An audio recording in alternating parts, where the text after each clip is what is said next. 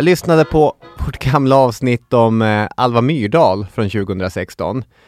Och där i inledningen pratade jag om att leva i tider av nedrustning.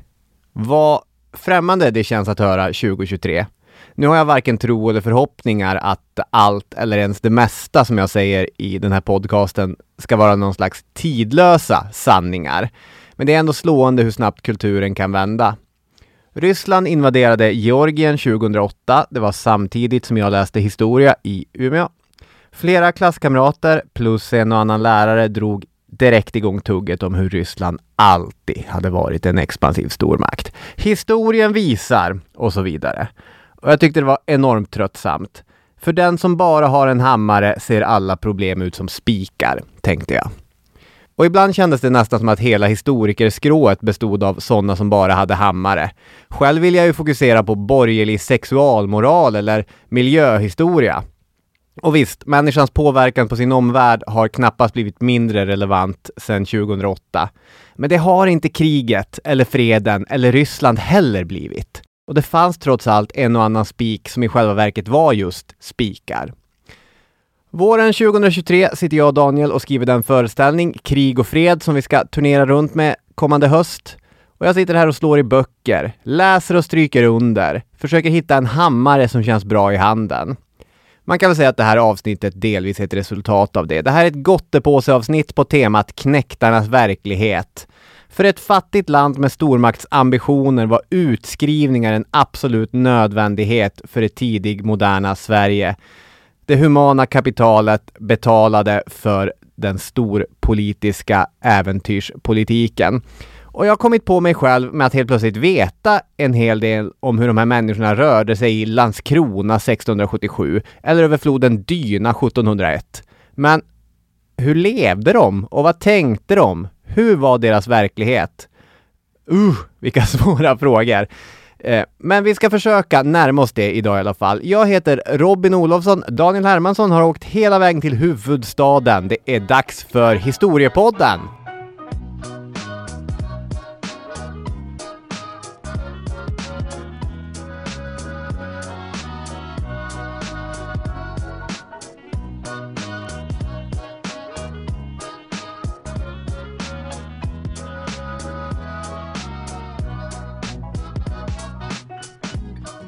Jajamän, och det är jag som är Daniel och ni är välkomna till, eh, till oss här. Ja, varmt välkomna! Om man säger att det blir en avgränsning på ämnet också här va? Mm, hur avgränsas ämnet? Ja, det är ju intressant att du bollar över frågan till mig då, när, när det är du som har valt ämnet. Men jag kan ju ta och avslöja vad jag har tänkt mig för avgränsning. Det är 16 till 1800-tal och svenska ja. soldater slash knäktar då förstås. Ja men det här håller jag helt med om. När jag pitchade det här ämnet för dig hade jag precis läst stora delar av Lars Eriksson, Volk, Lars Eriksson Folkes, Volkes, Volkes kanske, bok Stridens verklighet som rör sig tematiskt över 300 år av svenska strider. Det är så han själv avgränsar det. När man läser den så plockar han ju fritt egentligen från 1100-talet till 1900-talet så att eh, inte ens han kan hålla sig till den avgränsningen.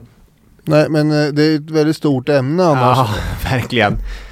Så är det ju. Jag håller helt med dig i den avgränsningen. Vad sa du? 16 till 1800-talet och eh, svenska soldater. Ordet knäckt som finns med i avsnittets titel började ju egentligen redan från det sena 1600-talet tappa mark mot eh, det mer modernt klingande soldat. Även om det användes vardagligt långt efter 1600-talets slut såklart. Så egentligen är inte ens knäckt begreppet oss någon eh, användbar avgränsning. Jag känner att man behöver brasklappa mer inledningsvis, för det såg ju såklart annorlunda ut på 1600-talet än vad det gjorde på 17 än vad det gjorde på 1800-talet. Så exemplen är ju framförallt exempel på den tiden, vilket exemplen kommer ifrån. Samtidigt som vissa saker är sig lika också, såklart. Den här verksamheten som knäkten och soldaten höll på med är ju trots allt snarlik. I Erikssons bok så står det att döda eller dödas, såra eller såras utgör den innersta kärnan i den väpnade striden, vilket i sin tur är den yttersta konsekvensen av kriget på marken, till sjöss eller i luften. Historiker analyserar oftast en strid i ett större taktiskt eller operativt sammanhang. Ja, ibland även satt i en strategisk militärpolitisk kontext. Allt detta är nog så viktigt, men samtidigt riskerar man att missa viktiga aspekter. Den amerikanska historikern Victor Davis Hanson har uttryckt sig brutalt rakt på sak. Krig är summan av slag. Slag summeringen av mänskliga individers dödande eller döende. Det är oavsett om det är 16, 17 eller 1800-tal exemplet kommer från så är det den grejen är densamma. Vad eh, du eh, egentligen pratar om också här är ju då hur man zoomar in och ut på fenomenet krig. Just det. Här, här zoomar vi in på individnivå så gott det går och ändå kommer vi inte lyckas helt och hållet med det. kan vi säga. Men vi försöker. One size fits all seemed like a good idea for clothes Nice dress. Uh, it's a it's a t-shirt. until you tried it on. Same goes for your healthcare. That's why United Healthcare offers a variety of flexible, budget friendly coverage for medical, vision, dental, and more. So, whether you're between jobs, coming off a parent's plan, or even missed open enrollment, you can find the plan that fits you best. Find out more about United Healthcare coverage at uh1.com. That's uh1.com. Ready to pop the question? The jewelers at BlueNile.com have got sparkle down to a science with beautiful lab grown diamonds worthy of your most brilliant moments. Their lab grown diamonds are independently graded and guaranteed identical to natural diamonds, and they're ready to ship to your door. Go to BlueNile.com and use promo code LISTEN to get $50 off your purchase of $500 or more. That's code LISTEN at BlueNile.com for $50 off. BlueNile.com code LISTEN. Millions of people have lost weight with personalized plans from Noom, like Evan, who can't stand salads and still lost 50 pounds. Salads, generally, for most people, are the easy button, right? For me, that wasn't an option. I never really was a salad guy. That's just not who I am. But Noom worked for me. Get your personalized plan today at Noom.com. Real Noom user compensated to provide their story. In four weeks, the typical Noom user can expect to lose one to two pounds per week. Individual results may vary.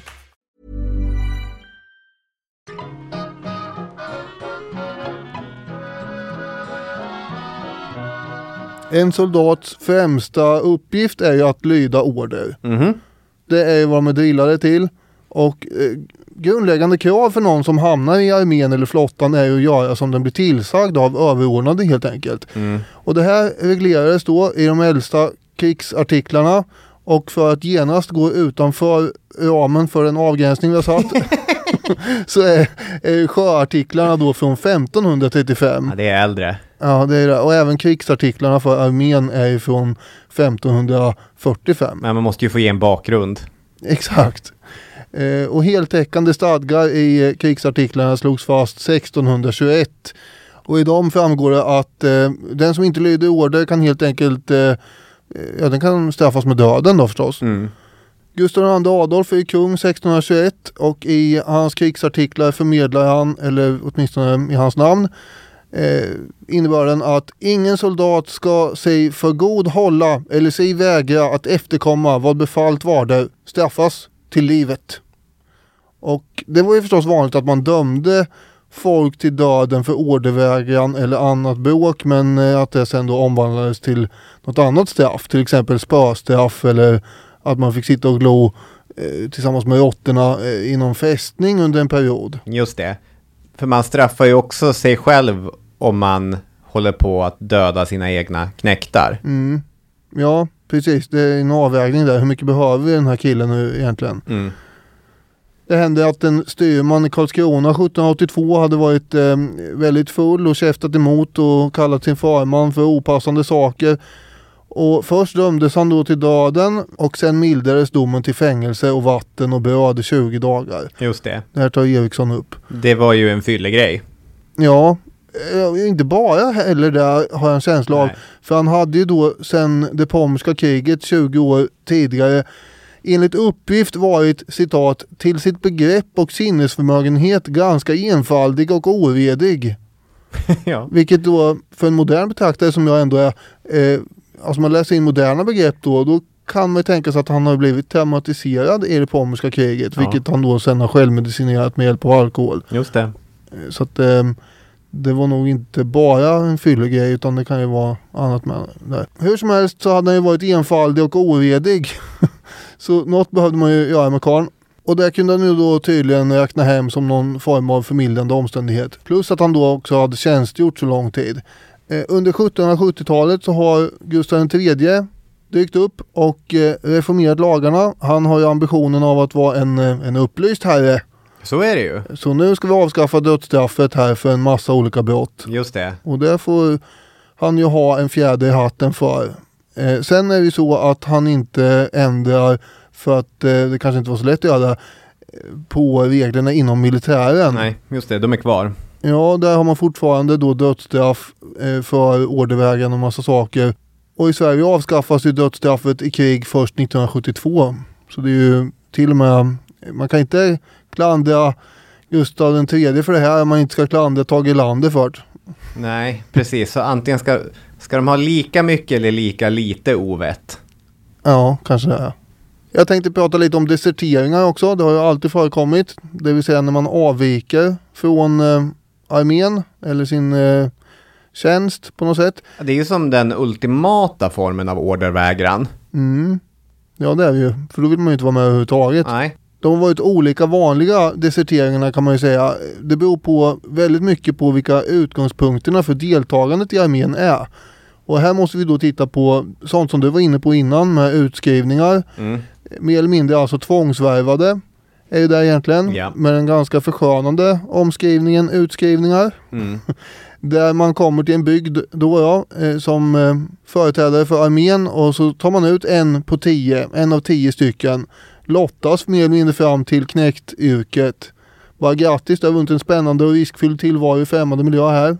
Där kommer du att kämpa lika mycket mot lera och feber och ohyra som folk som vill skära upp buken på ungefär. Och den här resan kommer du inte glömma så länge du lever, vilket nog inte blir så länge. Nej. Ungefär så. Och det här eh, var ju inte alla som vill vara med om. Det genererar ju då en hög vilja att desertera och försvinna bort från den här tillvaron som man inte har valt själv. Mm. Och särskilt då om man jämför med legosoldater som, som ju drog sig till allt det här eftersom de fick betalt. Mm. Sen så är det ju någonting i det där som föder sig självt också. Att eh, ju om vi till exempel pratar om, om 30-åriga kriget, att ju längre kriget pågår och ju mer bondebefolkningens marker är härjade, ju fler fattiga, utsatta bönder flyr till städerna. Och när då de här äh, olika härarna kommer till städerna, då är det väldigt lätt att rekrytera till arméerna. För du har massa desperata människor som behöver betalning, de behöver såld. Så att inte alla legoknektar brann ju för det stora äventyret heller. Nej, och eh, när det gäller dem just så var det något man visste så var det att de deserterade ju alltid om de inte fick betalt. Just det. Men eh, de eh, fick ju också en extra peng när man lät sig värvas just. Mm. Och eh, så det var vanligt bland arméerna i Europa. Och även om vi nu har en avgränsning med svenska så får vi ändå konstatera det att det hände att folk deserterade i andra arméer för att låta sig värvas igen för att få dubbla värvningspengar. Till exempel i franska armén och så. Men sen har vi då introduceringen av värnpliktsarméer som blir eh, enormt eh, stort under 1800-talet och under franska revolutionen. Mm. Och då återigen får vi in folk som inte har valt att bli soldater och dessutom är det väldigt många då. Så när franska staten inför en amnesti år 1800 så kryper det fram ungefär 175 000 människor som har gömt sig från militärmyndigheterna. Eh, Det är ett franskt exempel då. Men det säger ju ändå något om att när man tar in så här mycket folk så finns det ju alltid en del som inte vill vara med i det här och som då gömmer sig och sticker därifrån. Oh ja. Och det visar att det, det är stor variation på, på det hela. Om vi tar den svenska staten då så ägnar man sig alltså åt utskrivningar fram till 1680-talet. Och då hade man ju då förstås högre risk för desertörer. Men det fanns ju också en eh, typ av tvångsrekrytering av folk från andra länder som man hade varit i krig mot eller som man befann sig eh, i eh, det här området så att säga. Till exempel Danmark eller Norge eller Skåne och många av dem tvingades då in i den svenska armén eh, med tvångsmedel och nu pratar vi återigen om tiden före 1680-talet. Och med tanken att de då inte ska vilja desertera så skickade man ju dem då österut. Och i och för sig försvann ju en hel del på vägen österut eh, Eh, under transporten då. Men när de väl var där så var de inte så sugna på att runt de ryska gränserna eh, fly. Eh, utan då höll man sig ju kvar i den armé som man hade blivit intvingad i. När utskrivningarna var som mest frekventa under 1620 och 1630-talet under 30-åriga kriget och det var krig i Polen och så vidare. Då var ju det absolut säkraste sättet att komma undan att bli utskriven att hålla sig gömd under själva utskrivningen. Så om Mm. det kom en eh, ledare dit och sa nu ska vi samla ihop alla eh, raska ynglingar här, då skulle man då, då var det väl läge att gå och tömma latinen någonstans i skogen och sen inte komma tillbaka på en stund antar jag. Man gick till skogs. Ja, för tillfället. Eller så kunde man då desertera mellan det att man hade blivit utskriven och själva mönstringen. Mm. Det finns ett exempel från 1635 när man skulle mönstra de som hade eh, blivit utskrivna i Finland. Då visade det sig att över 5000 man var frånvarande eh, som man skulle hämta upp. Då. Är alla de? Det var 27 procent av alla de man hade skrivit eh, in i rullorna så att säga. De hade då bland annat då flyttat eh, över gränsen till Ryssland med alla sina familjer och allting. Sjukt osugna på att eh, gå med i armén. Verkligen. Men om man tar fälttågen under 1600-talet så är det vanligt att soldaten som blir utskriven då tar med sig hela familjen ut i kriget också.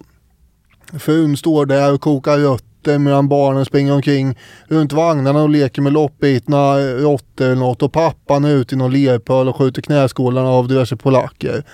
Det är superidylliskt det här.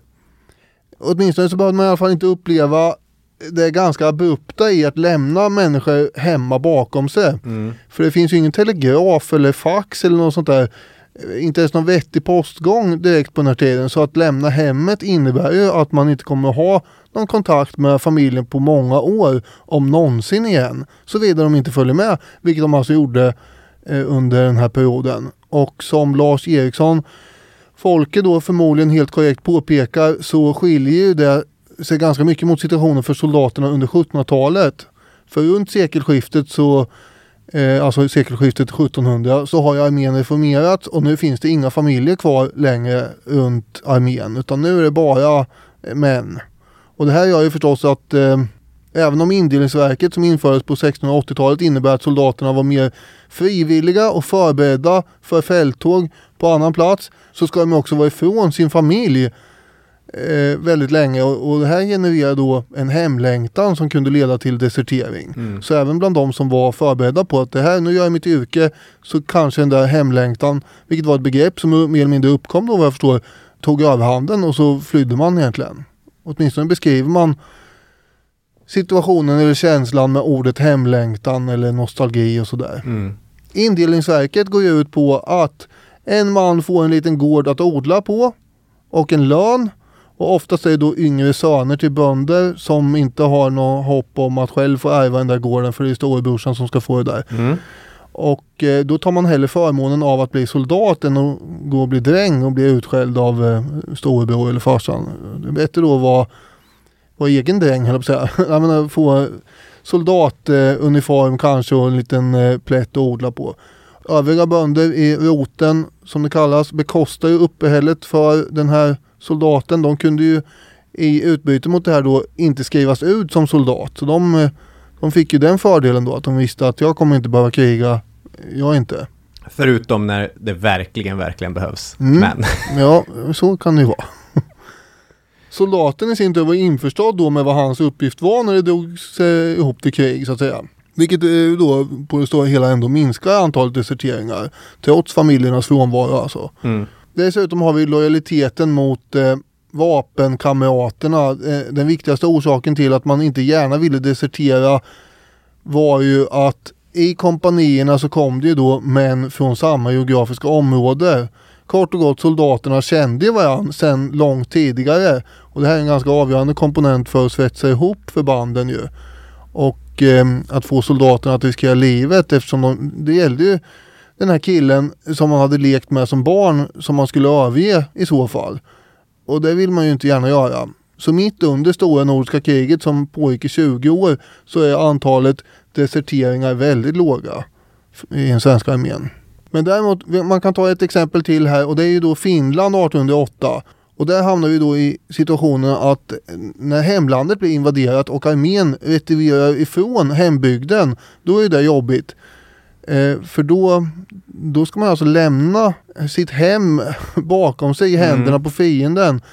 Och eh, allt vad det innebär. Och den här situationen hamnade då de finska soldaterna i under kriget 1808. Och många av dem ville ju inte lämna familjerna under rysk ockupation när armén drog sig tillbaka norrut.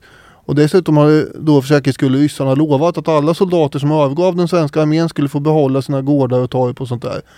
Och eh, det här gjorde ju då att eh, det blev ju ganska stora avhopp emellanåt. Ibland hände det att eh, även svenskar tvångsrekryterades till andra arméer. Inte minst den preussiska armén. Som, eh, ja den var ju väldigt, eh, det var ju mycket disciplin i den då om man säger. Och eh, de var ju mycket för att tvinga in folk i sin armé. Och är man då tekniskt sett en desertör egentligen, det här är en gråzon konstaterar Eriksson. Man har ju tjänstgjort hos fienden för, för Sören och det är ju ett brott. Men samtidigt så har man ju tvingats in här så det är tveksamt. Man kan också säga att lyckas man rymma från den här armén eh, som man har hamnat i, då är det bra. Eh, och det fanns ju exempel på en John Frimodig som två gånger blev tvångsrekryterad av den preussiska armén. Men båda gångerna lyckades han då rymma ifrån det regemente han hade satt sig och tillbaka till Skaraborgs regemente i Pommern. Så, så han dök ju upp lite nu och då som gubben i lådan och bara ah, nu är jag tillbaka här från preussarna igen. Och sen måste jag nämna att Olof Mellberg, vet du, Ja, det är... han är ju en desertör. Jag sätter mig upp i stolen.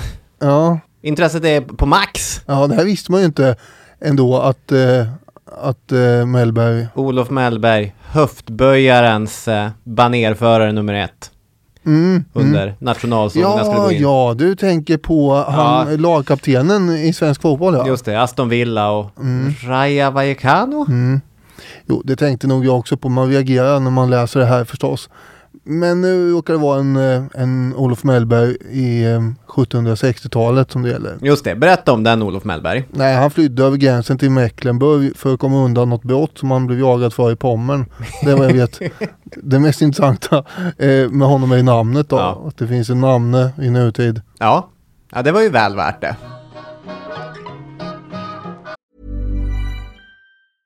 Mother's Day is around the corner. Find the perfect gift for the mom in your life with a stunning piece of jewelry from Blue Nile. From timeless pearls to dazzling gemstones, Blue Nile has something she'll adore. Need it fast? Most items can ship overnight. Plus, enjoy guaranteed free shipping and returns. Don't miss our special Mother's Day deals. Save big on the season's most beautiful trends. For a limited time, get up to 50% off by going to BlueNile.com.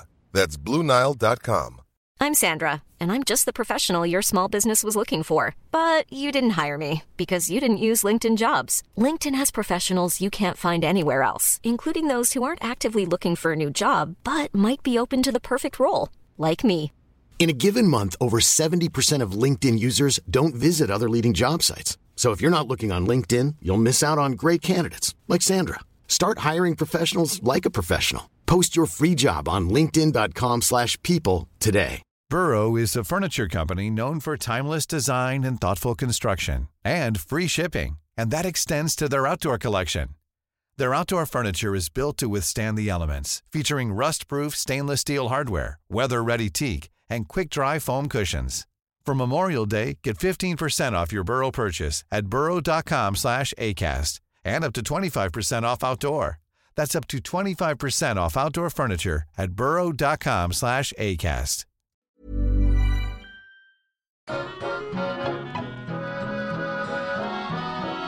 Jag har lockats av eh, hela den här grejen med kristendom och eh, kriget. Och eh, om vi återigen går utanför våra satta ramar så kan man ju konstatera att eh, Sverige under Gustav Vasa blir ett lutherskt land. Eller hur? Kyrksilver och sånt fint pynt plockas bort från kyrkan. Men likt Rom under Konstantin den store så räcker det inte med att The Big Dog säger nu är det det här som gäller, utan en riktig övergång tar ju tid. Vi har ju pratat i våra avsnitt om Dackefejden att de småländska bönderna var ju som bekant inte särskilt nöjda med att bli av med allt fint katolskt pynt Och det fina latinet man hörde i kyrkan också. Nej, nu ska prästen ska prata folkspråk. Kändes inte så kul.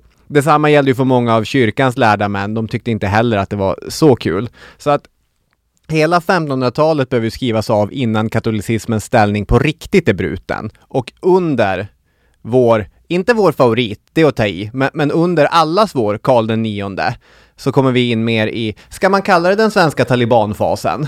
Ja, du gjorde ju precis det. Ja, men i alla fall en, en väldigt liksom hård och strikt luthersk tro. Bland annat lag från Gamla Testamentet ska bli svensk lag och sånt där. Och eh, under 1700-talet kommer den här klinga av.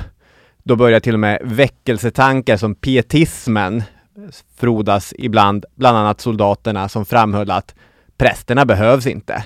Lekmän kan läsa Bibeln på egen hand, förhålla sig till Gud själv. Vill du förtydliga pietism? Eh, Jag sa ju att det är en väckelsetanke då som egentligen skriver ner prästernas eh, roll. att just liksom, var och en kan på egen hand förhålla sig till Gud. bra. I 1621 års krigsartiklar så finns straff listade för de knektar som har smädat Guds namn eller drivit med gudstjänsten eller de heliga sakramenten. Som Eriksson Folke poängterar är det faktum att det här tas upp i krigsartiklarna någonting som kan ses som ett tecken på att det faktiskt var ett problem som förekom. Däremot så kan vi ju inte veta hur omfattande det var. Det blir ju rätt snabbt spekulativt. Gjorde den eh, utsatta situationen i fält, i garnison eller på marsch att eh, knäktarna knektarna ofta smädade Guds namn, förbannade himlen? Det vet vi ju inte. Men vi vet att det förekom.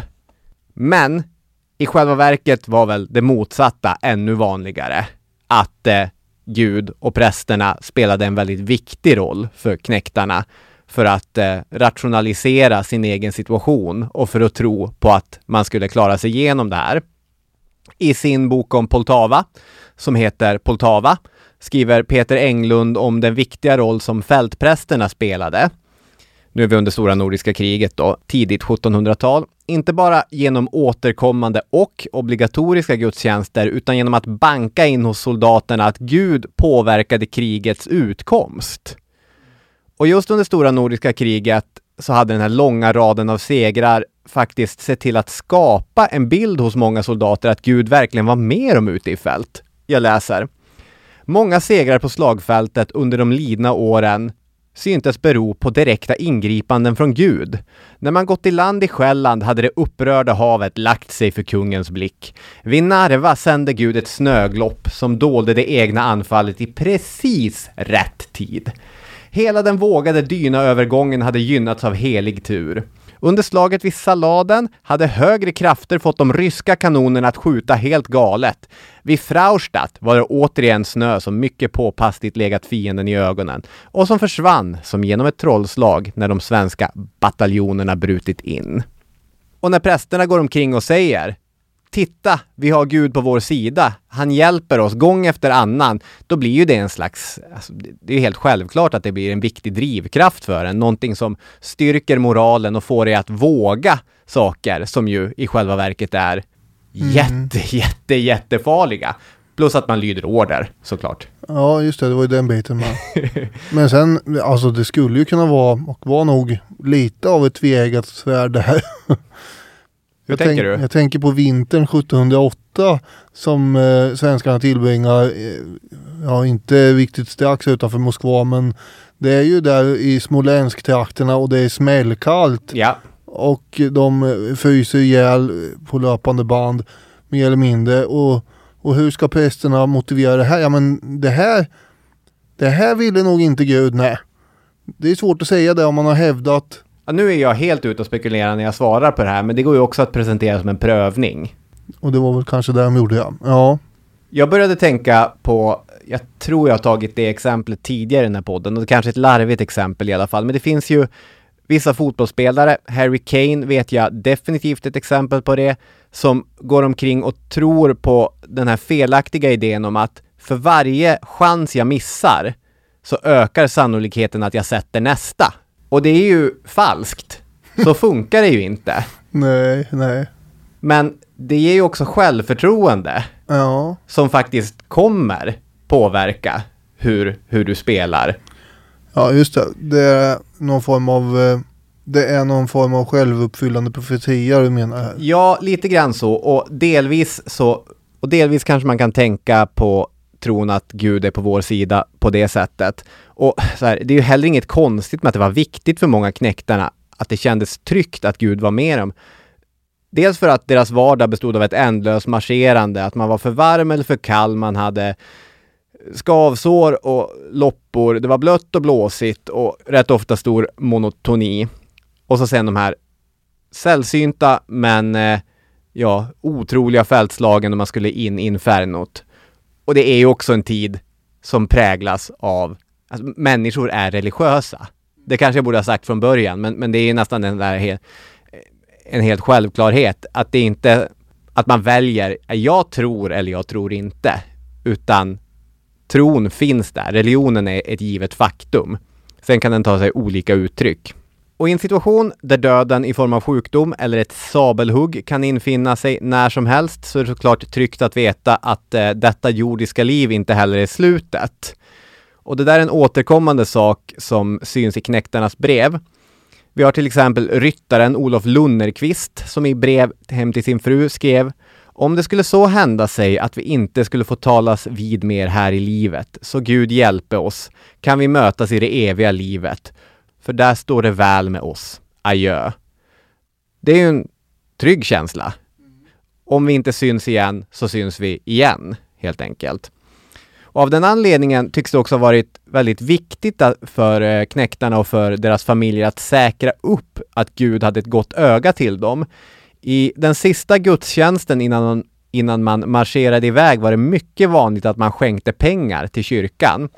Eriksson Folke skriver samma tro på att en skänkt slant till socknens kyrka kunde bidra till att skydda soldaten i fält möter oss över hela landet. I Lämnhult i Småland skänkte såväl ryttare som soldater pengar i krigstid. Under skånska krigen 1675-79 fördubblades gåvorna och från krigsutbrottet 1700 ökade de kraftigt. När männen var ute i fält ökade gåvorna från hustrur till krigsfolk påtagligt. Och han har också väldigt många exempel på brev som kommer hem där man säger åt familjen att skänk nu pengar till kyrkan. Mm. Det är inte så konstigt heller kanske. Att vara ute i fält innebar ju också att ens mänsklighet utsattes för prövningar. Mycket av de här tidigmoderna striderna gick ut på att kriget skulle bära sina egna kostnader, att arméerna skulle leva av landet där de befann sig, varför de ofta dök upp i de bördigaste delarna av Europa. Det är alltid krig i Flandern, liksom. Mm, det är väldigt ofta. Det förlängde ju också krigen eftersom det kunde vara billigare att hålla arméerna igång säsong efter säsong istället för att avsluta kriget och betala notan. Ja, det var ju väldigt eh, omständigt att avsluta 30-åriga kriget till exempel. Mm. Jag läste något om det där nyligen. Det, eh, det var nog i en annan bok eh, av Eriksson Wolke faktiskt. Jag tror det var Krig och krigsmakt som han har skrivit också. Eller också var det den här boken. Ja, hur som helst, det var ju, var ju väldigt rörigt där va. Många som skulle ha pengar för att inte fortsätta kriga. Ja. Avdankning som det kallas. Just det. Går det att jämföra med att man är ute på en krog och käkar en riktig så här brakmiddag och man fortsätter att beställa in rätt efter rätt, runda efter runda. Det är liksom, fram tills det att notan kommer så är det billigare. ja, så är Men liksom, till sist så kommer ju notan. Och då, ja man kan ju också ta in aspekten då, hur många är vi vid bordet här? Finns det desertörer inblandade? Det har ju Som har- kommit folk och gått också. Halvvägs igenom så kommer saxen med och ska, ja, nej jag vet inte. Ja, den notan vill man gärna skjuta på så vi tar in en flaska till här. lika. Exakt. Ja, proviantering behövde ske för de här äh, som var ute i, i fält och det var inte som på krogen att man bara behövde vifta och, och säga en till. I bästa fall var man i bördiga landskap, i värsta fall så var man i redan hårt plundrade regioner eller Norge. Det har vi pratat om i, i vårt avsnitt om, om Armfeldts dödsmarsch. Att eh, en av de jobbigaste sakerna med att kriga i Norge var att man krigade i Norge. Mm. Eh, men du nämnde ju till exempel eh, karolinerhären när de var i Ryssland. Det var kallt och på vägen till kylan så gick man genom idel bränt land. Mm. Så det var ju inte sådär jätteroligt. Och för bondebefolkningen som redan brottades med inhumana prövningar var det inte heller jättekul. Jag tänkte ta ett annat exempel från stora nordiska kriget när man befinner sig i Polen där. Är det en femårsperiod i början av 1700-talet för man ska tvinga polackerna att eh, sparka August den andre, den starke av Sachsen, eh, från sin kungatron. Och då brandskattar man ju återkommande trakterna, svenskarna. Man satte samman plundringskommandon som systematiskt kammade igenom städerna, blev experter på att hitta de här gömmorna av mat som bönderna hade. Därför att eh, bönder vill ju också äta. Ja just det, de, de vill ju det med ja. Ja, Om man tuttade eld på städer och allt sånt där. Peter Englund skriver Folken i Baltikum och Polen led svårt under krigets gång. Den svenska härens underhåll byggde i hög grad på kontributioner, vilket i klartext betyder att man likt en gräshoppssvärm av stål åt sig rakt genom de områden man passerade. En befolkning som redan före kriget levat på hungerkrisens rand blev med hjälp av hot, brand och tortyr bestulna på sina livsförnödenheter och i mån av tillgång pengar. Det enda som betydde något var att armén fick sitt och sedan fick landet, i enlighet med Karl XIIs egna ord, lida så mycket det vill. Höga chefer fick order från högsta ort att utpressa och klå och skrapa ihop skyndsamt det mesta ni kan få till arméns bästa. Det här är inte unikt för svenskarna såklart, men visar ju på tidens stridsförings egna speciella helvete. Knäktarna blev ju givetvis djupt avskydda där de befann sig varför lokalbefolkningen gärna försökte utkräva hämnd, kanske satte sig i bakhåll någonstans och eh, lyckades dräpa några knäktar som gick förbi där. Det hände ju också att infångade knäktar torterades till döds, vilket i sin tur ökade hatet mot bondebefolkningen från knäktarnas sida. Mm. Det är en sån ond spiral här. I augusti 1703 brände man Nishava, Neshava, Neshava och hängde samtliga borgare i staden eftersom en svensk trupp i närheten hade attackerats. Det här är ingen ovanlig syn från eh, krig under 1600 och 1700-talet. Men anledningen till att jag tar upp det här under rubriken religion och kristendom är ju att det här krockar ju givetvis med helt centrala kristna tankar. Jesus stod, i alla fall som jag minns det, på ett berg i Galileen och uppmanade folk att ni har hört det och det blev sagt, öga för öga och tand för tand. Men jag säger er, värjer inte mot det onda. Nej, om någon slår dig på högra kinden, så vänd också den andra mot honom. Man ska vända andra kinden till. Man ska inte bränna en stad och hänga alla borgare. Mm. Men eh, visst är det så att eh Älska din nästa och hata din fiende. Men jag säger er, älska era fiender och be för dem som förföljer er. Det här är väl ändå fortfarande Jesus? Ja. ja. Vad var det nu för testamente som Karl IX byggde den svenska lagstiftningen kring? det är för sig. Det, ja, det är en äldre del av Bibeln. Just det. Det är ju något av det vackraste i hela den kristna tanken. Vänd andra kinden till, älska din fiende. Men det löper ju rakt motsatt riktning till krigets inre logik. Och i de studier som amerikanska psykologer genomfört i armén efter andra världskriget och framåt så är det istället hela tiden så att revansch för fallna kamrater används för att rationalisera sitt eget beteende. Du behöver liksom tänka att det här är revansch för Vietkongs mördande om du ska klara av att meja ner en hel vietnamesisk by. Och sådana studier kommer från en helt annan tid och en helt annan kultur än den svenska stormaktstiden. Men det lämnar i alla fall mig med frågan, plågade det de här fromt kristna knäktarna att utföra de här sakerna? Och eh, där är väl svaret, det skiljer sig från person till person. Men det går i alla fall lyfta människor som helt uppenbart mår dåligt av det där. Eriksson Folke har en berättelse om dragonen Alexander Magnus Dahlberg just från Polen Dahlberg skriver en krigsman är skyldig i fiendeland och bland sina argaste motståndare, intet mindre än i sitt eget land, och under sina bästa vänner, visa ett kristligt medlidande åt vår beträngda nästa, som äro alla människor, kända och okända, vänner och ovänner, uti dess nöd och elände, med barmhärtighetsgärningar, hjälp och understöd. Jag tänker att det är svårt att hitta ett brev som pekar mer på den här exakta smärtpunkten jag letar efter. Att eh, det här är en tid med ett helt annat förhållande till introspektionen vår.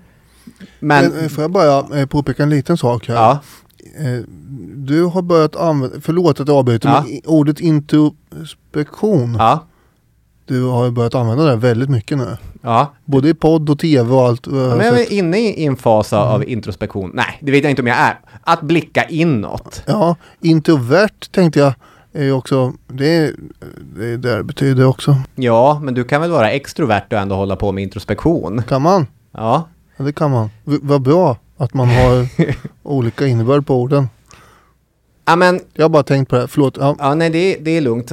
Alltså, det är ju anakronistiskt att tänka att, att alla de här knäktarna satt lika mycket och tänkte på sig själv och inåt som man gör i modern tid. Och jag vet inte i vilken utsträckning deras kristna tro krockade med de handlingar de själv utförde eller såg sina kamrater utföra. Men det måste för vissa ha varit en enormt frustrerande tillvaro. ja, ganska många antagligen. Det är nog inte så att det var lättare att gå i krig eh, och vara soldat på den tiden än nu bara för att eh, FN har sagt att man inte får döda folk. Mm. Så där kan man nog räkna med att det var ganska påfrestande. Eh, Sen är det klart att eh, man kommer väl in förmodar jag i en eh, lunk av att bara, ja nu hänger vi bybor här igen. Ja. Och så är man van, man vänjer sig, man avtrubbas och så vidare säkerligen. Och du har präster som är med ute i fält som klappar dig på axeln och, och säger att eh, Gud är på vår sida i det här. Mm.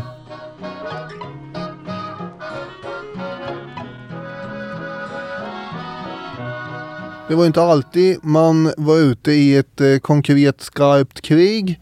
Utan eh, man behövde också träna inför det här när man var på hemmaplan. Och under 1600-talet så kom det ju då eh, till sådana här exercisreglementen. Eh, det vill säga instruktioner för hur man skulle eh, öva och träna Mm. sådana som Larsson inte kunde. I reglementena så framgick det hur soldater skulle öva med vapen, handgrepp och rörelser och beteenden och allt möjligt. Jag fattar inte. Sådana som Larsson inte kunde. Ja, du sitter och funderar på det fortfarande? Jaha.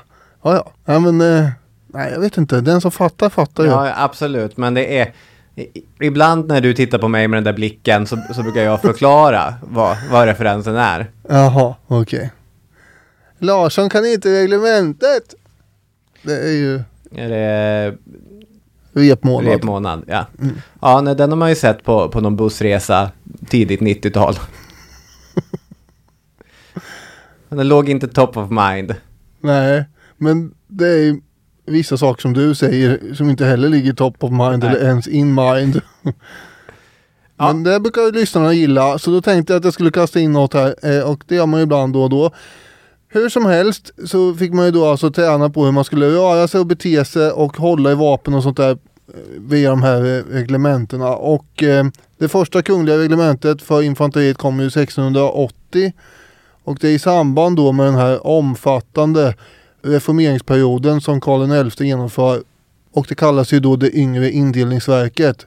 Vilket handlar om förändringar i hela armén och hur man rekryterar trupper och så.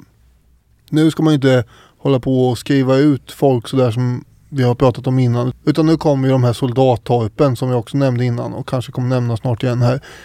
Det här sammanfaller ju också med reduktionen som eh, är en stor indragning av adelns gods till kronan och eh, gör ju då att det här blir möjligt kan man säga att göra den här reformeringen. Så det hände mycket på 1680-talet och man kan säga att från början när det här systemet sattes i sjön så fungerade det som bäst. Ibland är det ju tvärtom kanske att vissa nya system Det tar tid. Ja, tar tid och det kommer igång och blir bättre vartefter. Men här måste man säga att det funkar utmärkt från början och sen ju längre ifrån 1680-talet vi kommer ju sämre funkar det egentligen. Under de första 20 åren så pågår ju återkommande övningar för kompanier varje månad.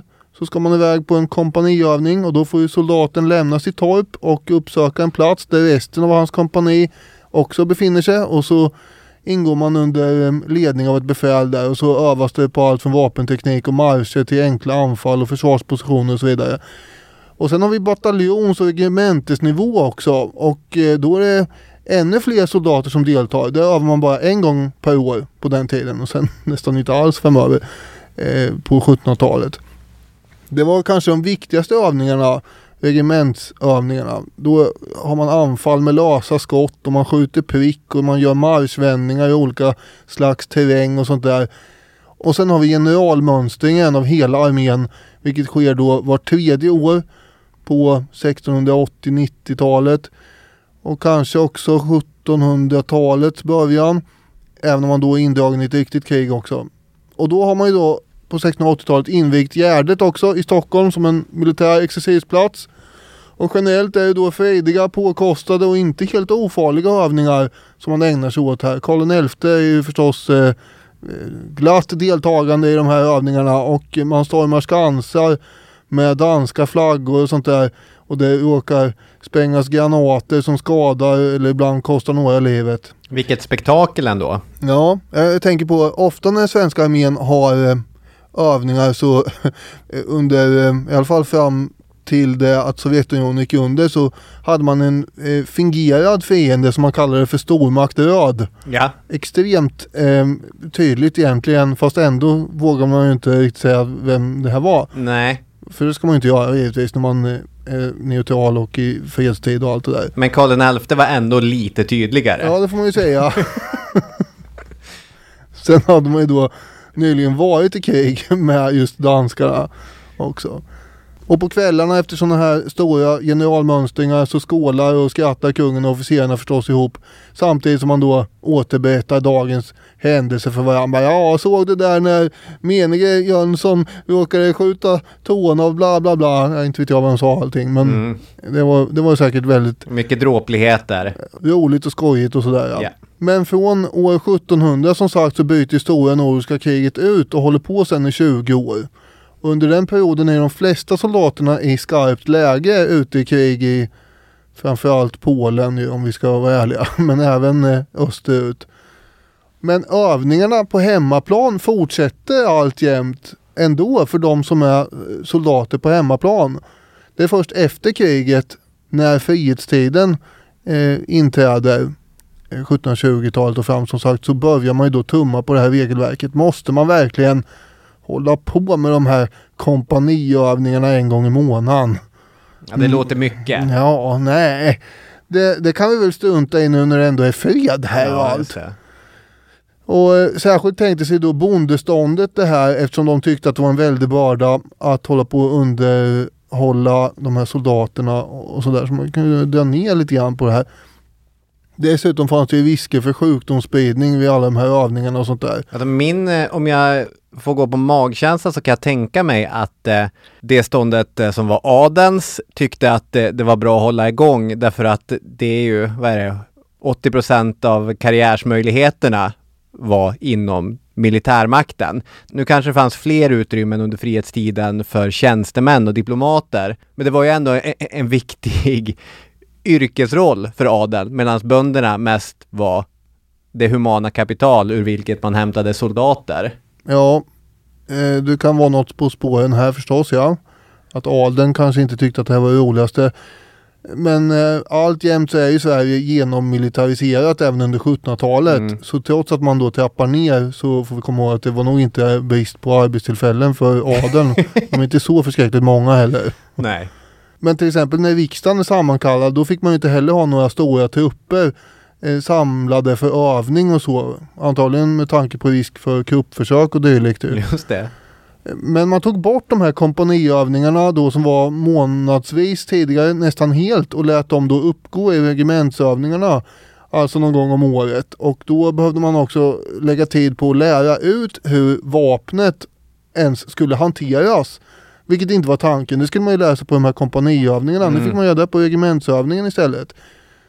Istället var ju tanken att man på regementsövningarna skulle öva storskaliga formationer i stridssituationer och gemensamma övningar mellan olika vapenslag. Det är kavalleri, artilleri och infanteri som ska samverka. Det var det som var tanken. Mm. Men det bygger ju på att man eh, vet hur ett vapen funkar innan också. Och det blir ju allt mindre tid för sådana här stora gemensamma övningar mellan vapenslagen på 1700-talet. Är det här ett tidigt exempel på, ja men som att eh, gymnasieskolans historieundervisning ibland ska problematisera epokbegreppen? Men det bygger ju på att man kan epokbegreppen. Det är roligt att du tar upp exemplet eftersom jag precis tänkte säga att det här påminner om när gymnasielärare eh, kämpar med liknande situationer som till exempel eh, måste man lära dem läsa och stava rätt istället för att diskutera innehållet i Odysseen och sånt där. Just det. Sen liksom, eh, ingen skugga ska falla över grundskolelärarna. Gud vet att eh, de har sitt att stå med. Men det, det, blir ju lite grann så att det hela tiden skjuts framåt. Ja, det är hela systemets eh, misslyckande förstås. Ja. Bondeståndet försökte i alla fall ihärdigt att minska alla de här eh, övningarna ännu mer. Och många övningar ställdes ju också in. Eh, Eriksson skriver i genomsnitt övades regementena under 1780-talet fram till krigsutbrottet med Ryssland 1788 endast var tredje eller fjärde år mot de tänkta årliga övningarna. Vid varje tillfälle var den reella övningstiden för förbanden i den västra riksdelen endast mellan fyra och fem dagar och mellan 10 och 12 i den östra finska delen. Och att bara träna som soldat fem dagar på fyra år, det är inte mycket. Nej. Så att eh, det är ju inte konstigt att det går åt skogen sen i alla krig vi var med i under 1700-talet också. Just det. Får man ju säga. Och eh, det svenska militärväsendets förfall på 1700-talet har ju ändå sina likheter i den svenska skolans förfall sedan 1990-talet. Det får man ju den parallellen får man dra tycker jag. Mhm. Det kommer in för mycket särintressen som förstör den övergripande grundtanken med hela inrättningen.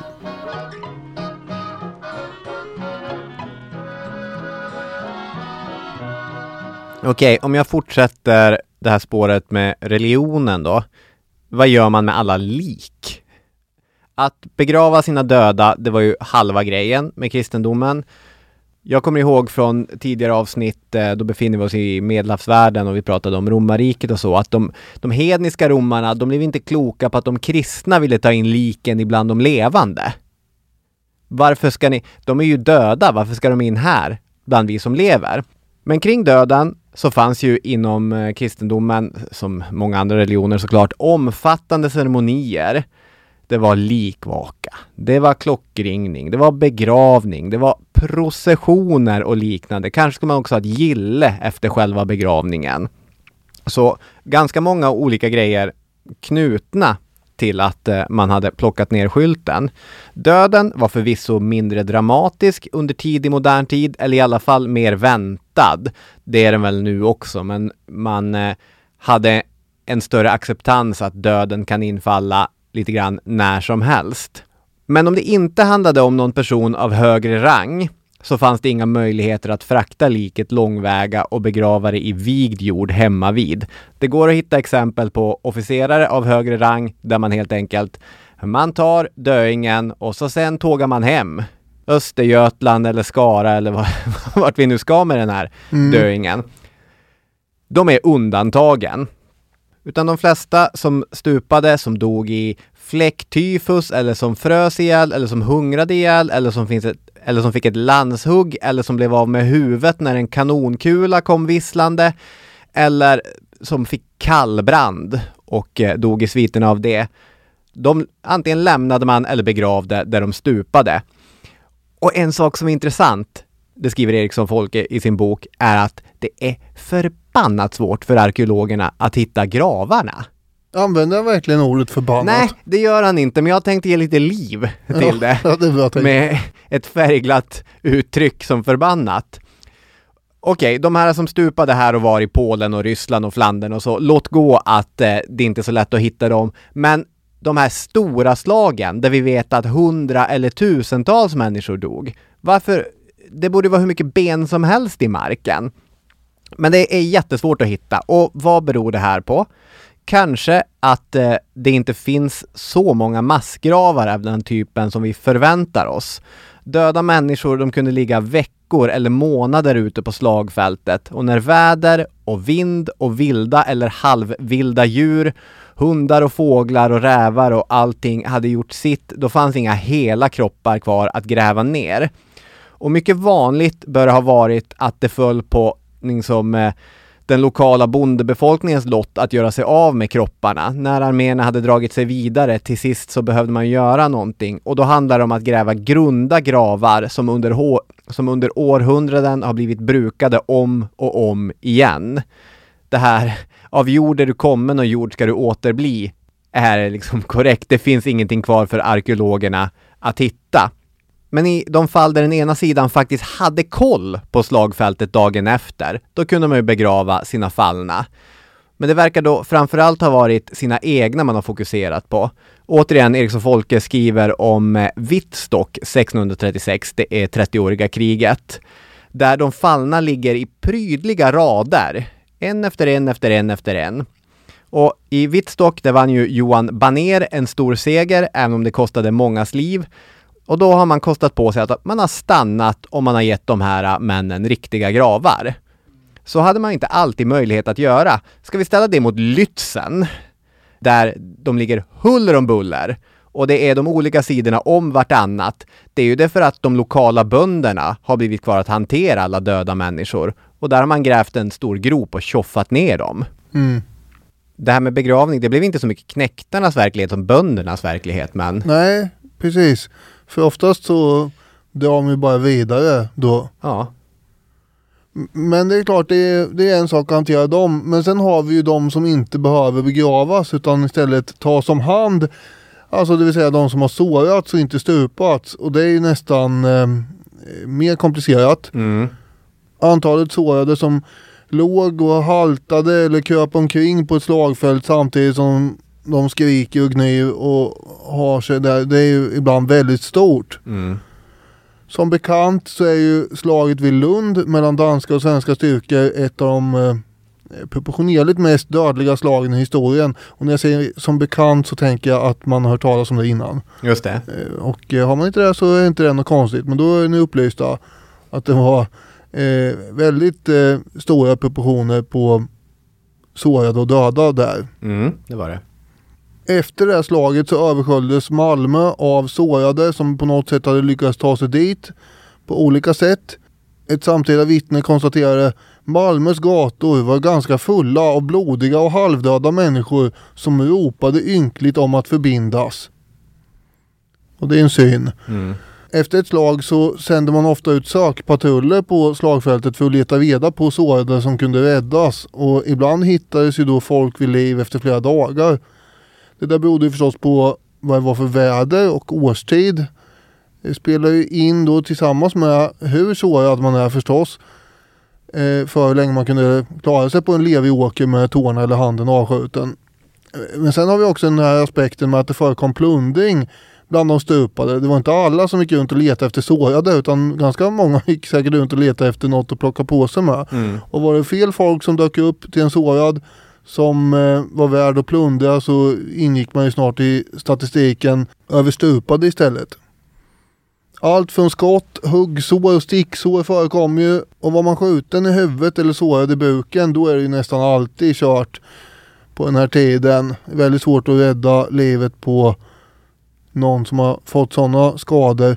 Men är det då armar och ben som är träffade då gick det att åtgärda kanske. Här kommer fältskäraren. Ja, risken för att klädbitar eller smuts har kommit in i såret i och för sig gör att infektioner gör att också enkla sår skulle kunna sluta med döden. Och vid sidan av de stora slagen så är ju ännu vanligare att man drabbas av sjukdom förstås.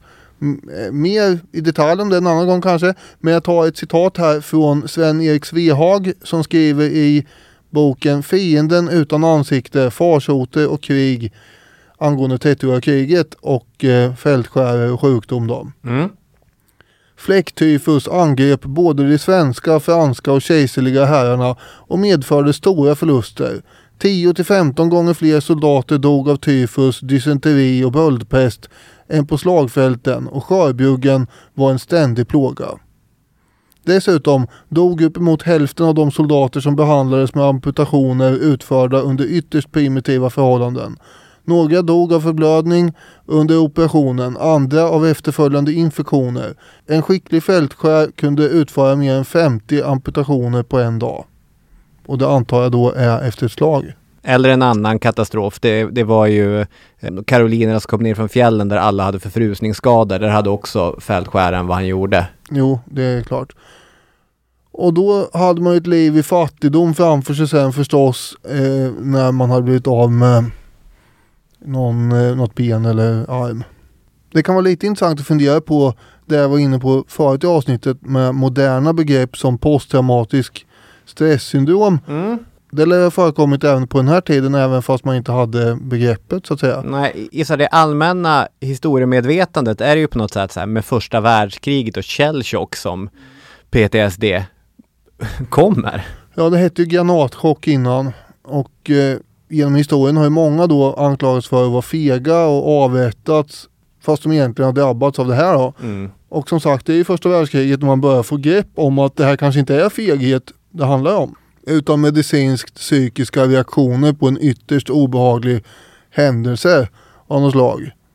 Och i Sverige inrättade man ju först på 90-talet en veteranmottagning på Akademiska sjukhuset i Uppsala eh, för de som hade varit på insatser utomlands. Och historiskt sett får man ju då mest gissa och anta och ana sig till fall där soldater har traumatiserats. Eriksson skriver att från striderna i Tyskland 1813 och mot norska trupper 1814 så återkom 150 husarer till Malmö. Det här har man ju då kollat på och av de här 150 har man kunnat följa 104 stycken i olika arkiv. Mhm. Och av dem så begick 9 av de här 104 då självmord, vilket är ungefär 8 procent. Och så var det ett antal till som drunknade, eh, 4 procent, skriver Eriksson och menar att även drunkningsfallen skulle kunna misstänkas för att vara självmord Mm. som har dolts då. För det här är ju en tid när självmord är skambelagt. Och eh, därför är det också då svårt i efterhand att utreda vad det var det handlar om egentligen. Mm. De fall som går att belägga, där kan det också faktiskt ha varit andra orsaker än kriget som har lett fram till självmordet. Det vet man ju inte heller. Det är inte ett underlag som gör det jättelätt att eh, kliniskt och vetenskapligt eh, studera det, utan man får gissa och tolka lite grann. Jag får, det, man måste nästan Ja. det.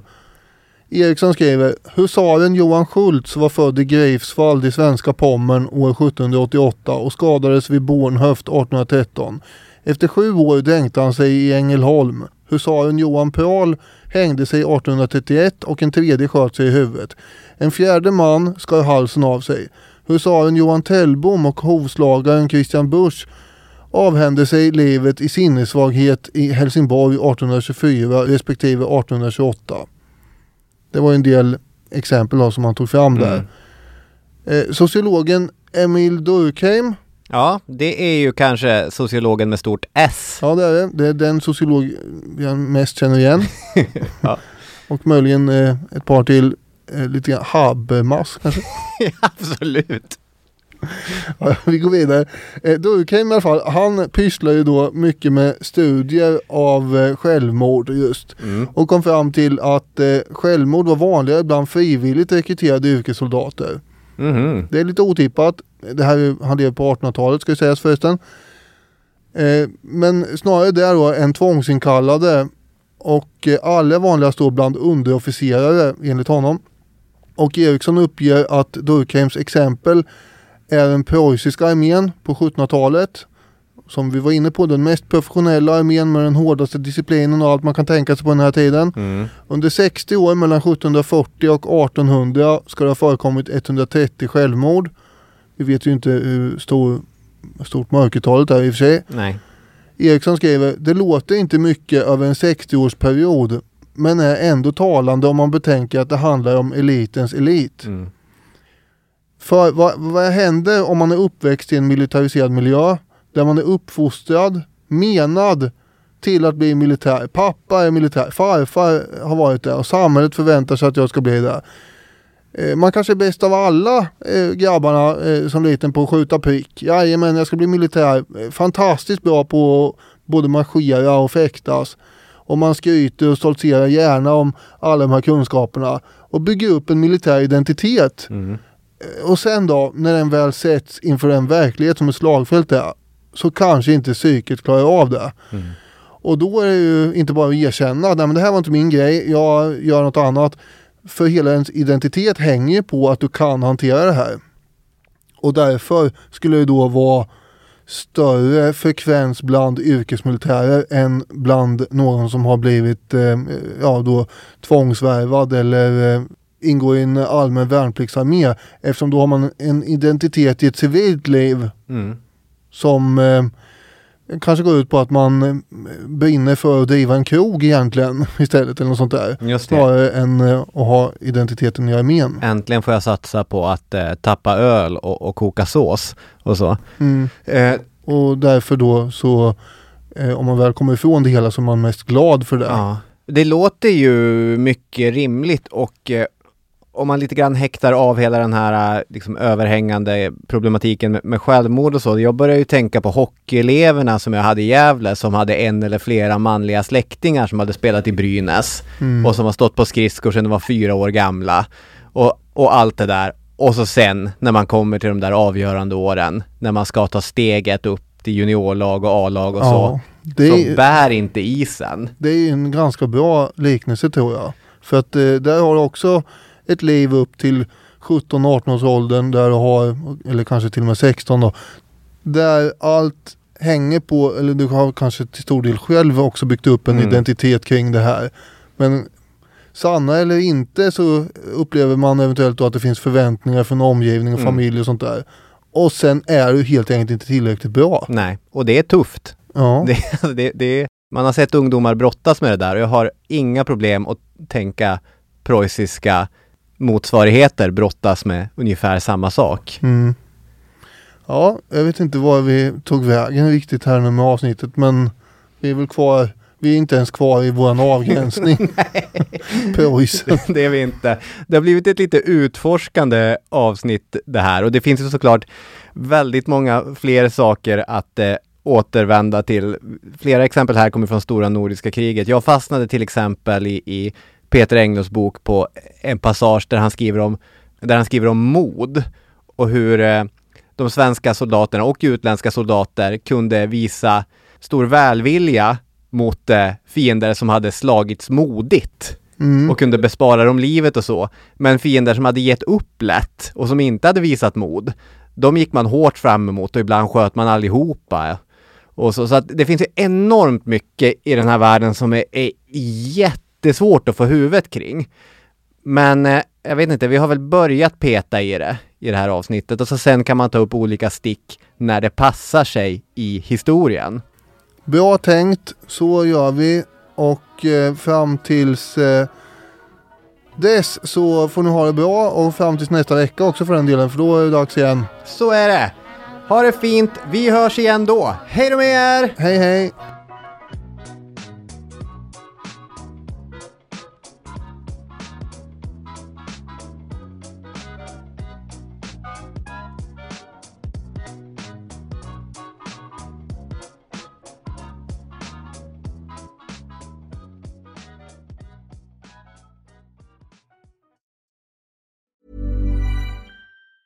Hey, it's Danny Pellegrino from Everything Iconic.